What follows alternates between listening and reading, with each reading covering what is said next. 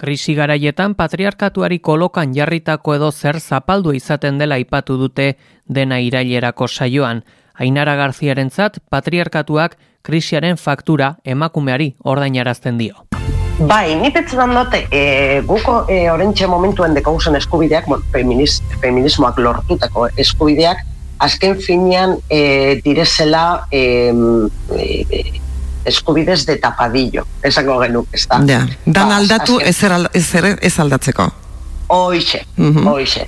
Eta azken finean zeok lehen, lehen hasieran zan bezala, e, krisi momentu bat dagoenean, azkenean patriarkatuak ingo dauena da emakumeak e, krisi horren fakturea e, paletea. Eh? Bai. Hori da azken finean e, patriarkatuaren asmoa eta patriarkatuaren plana. Guk eskubide batzuk e, lortu izan doguz, baina azken finean lortu izan doguz eurek gure izin dauri Pilpilean den krisia da Afganistangoa. Bertan, askotan mugatu egonda emakumearen askatasuna, baita ere, irurogeita margarren amarkadako ustezko irekitzean edo talibanak aginte hartu duten arteko azken epe honetan. Afganistanen, e, e, errusiar batasuna eta gero, bai. e, e, egin zaurien aperturismo moduko bat, eta, mm e, emono, emotzien emakumeeri zenbait e, askatasun, baina horrek askatasunak azken finean ez ziren benetako askatasunak, eta e, bai adibidez rauak lehen e, nire, nire kolumnan zeu bai, Afganistango emakumeen elkarte irautzaileak bai Hori da.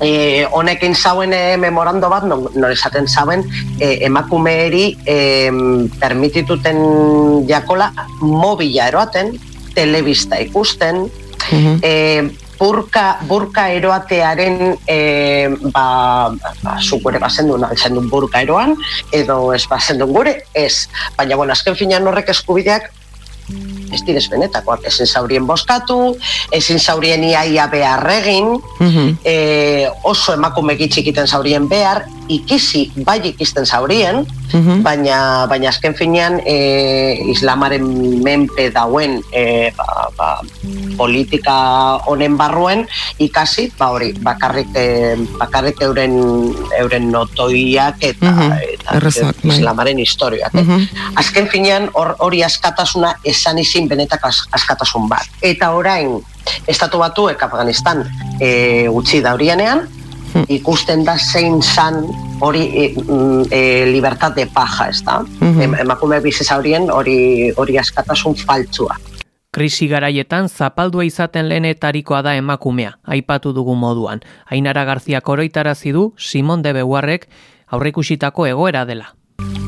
Simon de Beauvoirek esaten zauen, ezta? Mm e, emakume adibilizatez mm -hmm. e, krisi politiko, kultural, ekonomiko bat dauenean, zure eskubideak urratuak izango direz, oza, izango direz, e, urratuak izango direzen lehenango eskubideak, emakumeanak. Guk azken finean gara e, la mano de obra barata del sistema. Bai. O sea, azken finean, zeo zer pastan bada herriren baten, ba, e, koronavirus, e, krisi sanitarioa gurean adibidez, mm ba, gure eskubideak urratuak iziten direz lehenak, ezta? E, guk galtzen dugu ze lanpostuak, guk egin behar dugu zaintza lanak le, e, lehenik eta behin, guk e, galtzen dugu hori soldataren e, seguridadea, e, guk galtzen dugu sanidadea, guk galtzen dugu ostasuna. Hori sistemaren onurarako. Bai, Orduan... Noski, azken finean guk e, sistemaren esklabuak bihurtuten gara.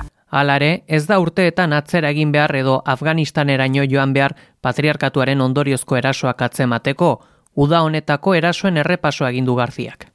Ointxe bertan, eukin dugu eraso matxista bat, bueno, e, ustaian hasite ja, barakaldon eraso matxista bat egin gendun, tuteran eraso matxista bat egin gendun, eren egun gazteizen, uh gizon batek ematkume bat eta bere alaba erasotu, erasotu zituen, asteburu honetan ere ziburun gizon batek bere bere maste bere bere masteari e, labana batekin erasotu egin zion.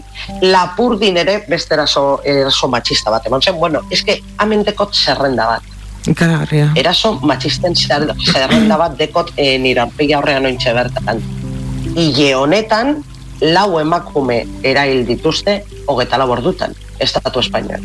Fentsa. Beraz, ni pentsetan dut, e, e, e, Afganistaneri e, begituten dutzegunean, e, e, bueno, gizon, emakume zuriek, e, mendebaldeko gizon eta emakume zuriek, Afganistan begituten dugu, e, gure zuri begiekaz, ez da? Arriduragaz, e, beldurra, gorrotoa, mm. bai eske gure txean olangoak ere badeko Afganistan urrun egon arren, emakumearen askatasunak jasatzen dituen erasoak aski gertu bizitzen dira. Bai, e, guk, e, guk ez, ez dugu segatik burka eroan behar, edo, edo ez dugu segatik uia ez tali behar monja kuileak ez, ez taltzen da eh? Bai, bai. Eta, eta, eta behartuta daude be bai, eh? Ez dela uh kanporatuak iziten bidez. Baina, bueno, mente balean, gu pentsetan dugu gure, gure, gure mente zuriagaz, pentsetan dugu hemen olango gauzek ez direla pasetan, gu aurreratuagoak daudela, e, gurean e, emakumeak ez, dira, ez direla horrela e, horrela batetan, eta azken finean ez da horrela.